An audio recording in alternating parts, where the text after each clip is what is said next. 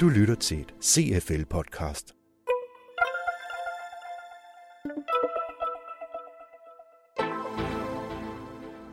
CFL er stedet, hvor Danmarks mest fremsynede ledere udveksler erfaringer, debatterer og lærer.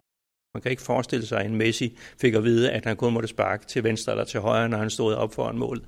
Altså han har en frihed til at gøre, hvad han har lyst til inden for et bestemt felt, men alligevel en del af et fælles hold.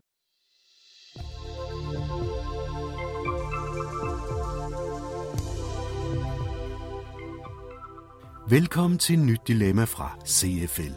Denne gang skal det handle om den svære holdningsmobilisering. Altså, når du som leder skal formå at vende en måske stor skude, og ikke mindst sørge for, at alle mand bliver ombord og er enige om den nye kurs.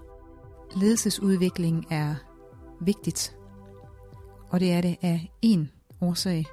Det er det, der skal til for at drive organisationen, for at drive virksomheden fremad. Derfor må man aldrig se ledelsesudvikling isoleret, men se det i sammenhæng med, hvordan virksomheden performer. Siger Vinke Strømsnes, CEO i CFL.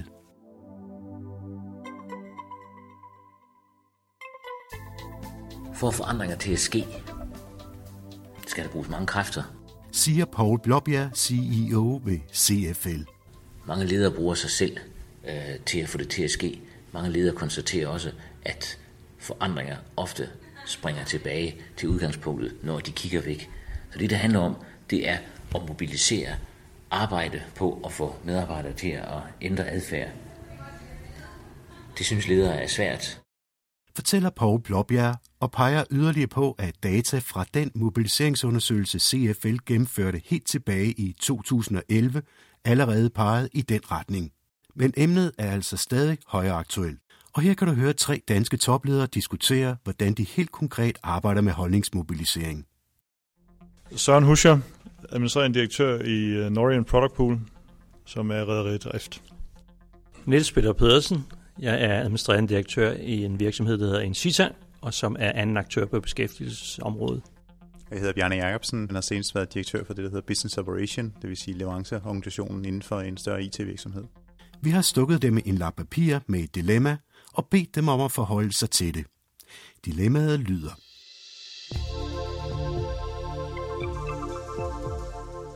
Du er leder for en afdeling, hvor en gruppe fagligt stærkt specialiserede medarbejdere dagligt slås om både deres territorier og om din opmærksomhed. De har alle en høj grad af faglighed, men mangler både forståelse for brugerbehov og den samlede forretning. Du har brug for, at de i langt højere grad er selvledende, og at de ændrer deres indstilling til arbejdet. Hvordan gør du for at rokke ved deres selvopfattelse, uden at de stikker på den faglighed, din virksomhed også har brug for? Her kan du høre diskussionen.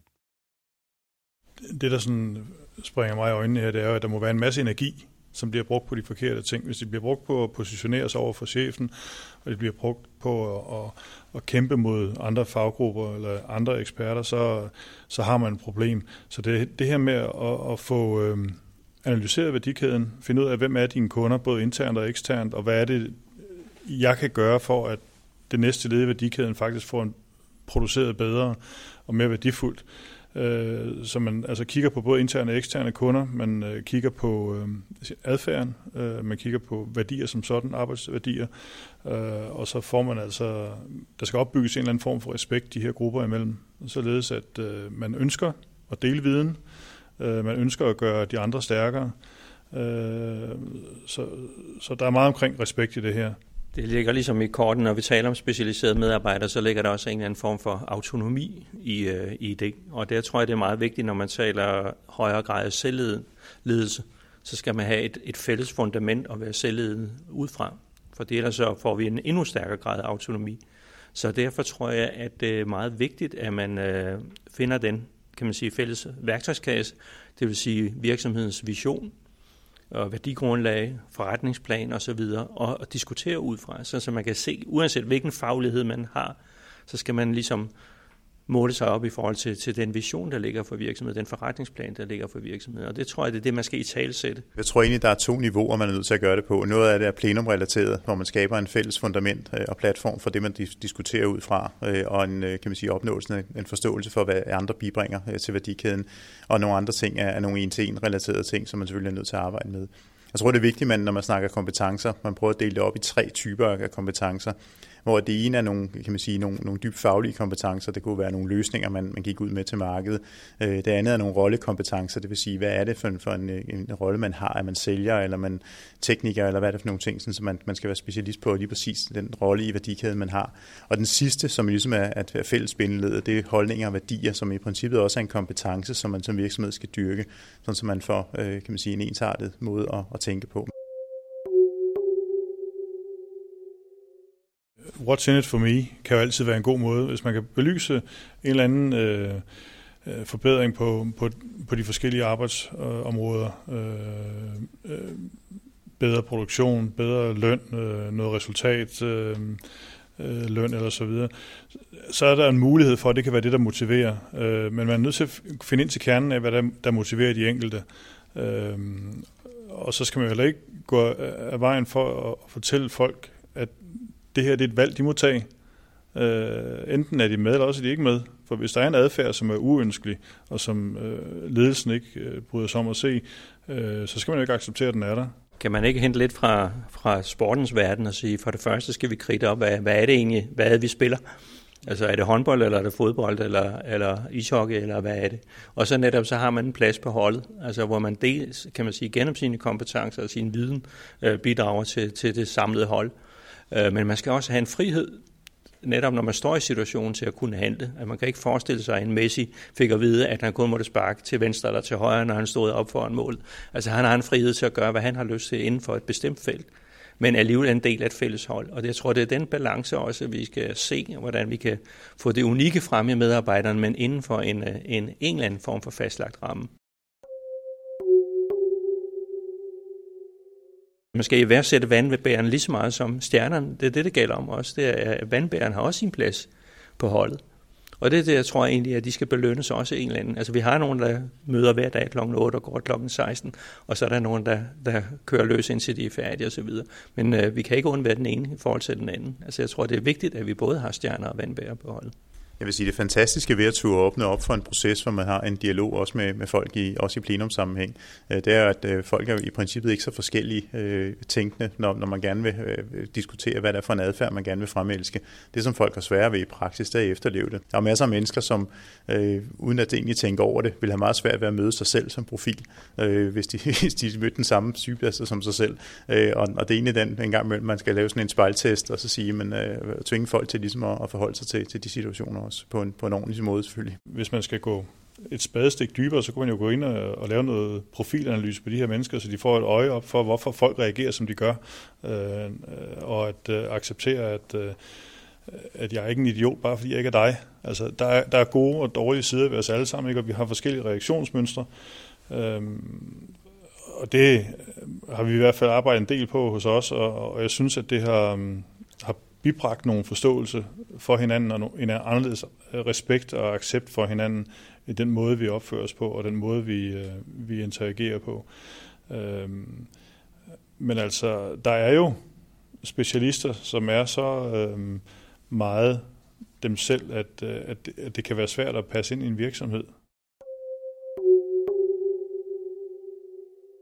Vi har lavet øh, typologiprofiler på alle øh, vores kollegaer. Altså vi ved alle, hvorfor, i princippet, hvorfor vi reagerer, som vi gør, hvis, øh, hvis, hvis der bliver sagt eller gjort noget mod os. Så er der en helt anderledes accept næste gang, man finder ud af, at den der person bliver irriteret over, at man åbner et vindue, eller man larmer lidt, eller har en forkert øh, deodorant på, ikke? så ved man, hvorfor folk reagerer sådan, og så kan man jo så kan man prøve på at, at agere øh, konstruktivt, i stedet for at bare blive irriteret. Jamen, fordelen ved det, som Søren siger, det er jo også både den der selvindsigt, øh, der det enkelte person får, men også kan man sige, at kan se, hvilke kompetencer de andre besidder. Øh, og på den måde opnår man også mange gange, at øh, folk de bruger hinanden på en lidt anden måde i, i dagligdagen bagefter.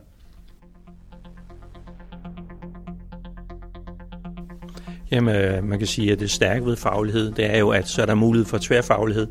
Og, og hvis ikke der er faglighed, så er der heller ikke mulighed for tværfaglighed, så bliver det noget rod det hele. Så det gælder om at finde de styrker, der ligger i fagligheden, for at kunne lave noget, der er unikt. Altså det, det mener jeg også er vigtigt at tænke ind, at øh, stærke fagligheder giver muligheden for at lave noget unikt.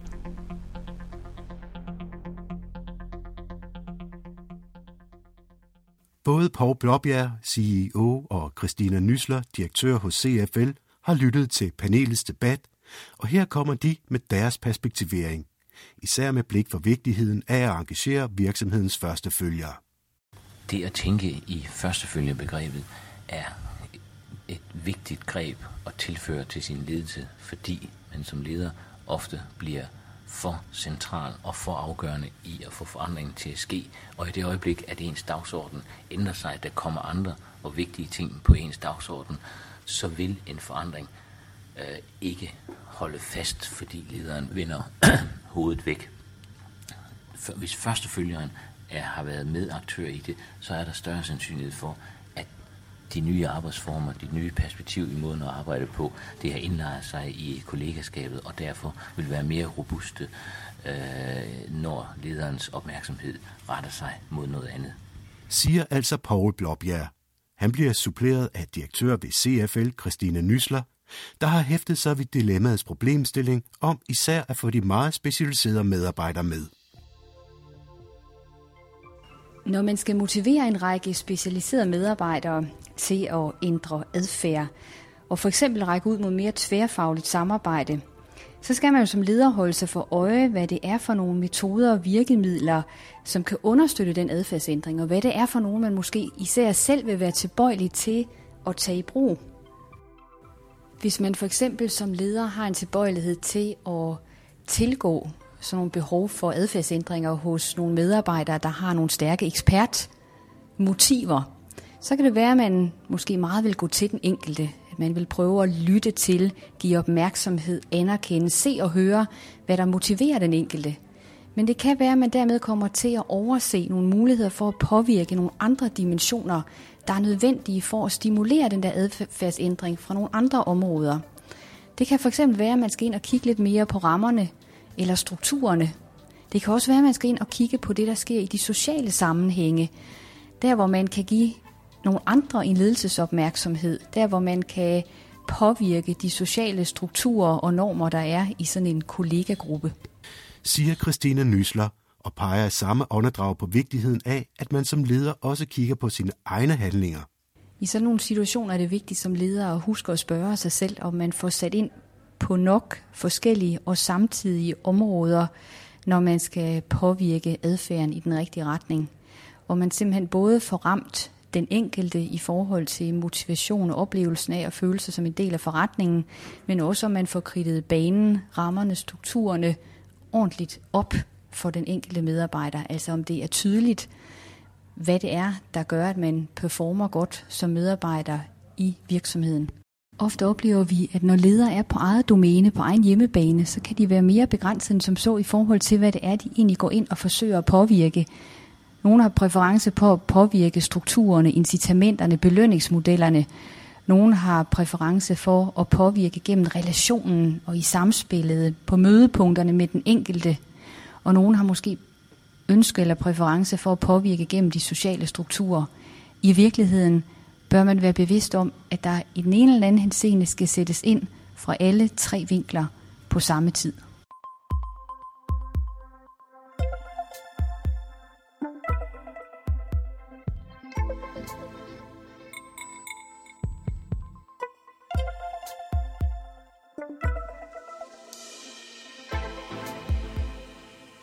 Takker af fra studiet. Dit podcast var produceret af Søren Prehn og Mette Reinhardt Jacobsen fra Mediehuset Periskop.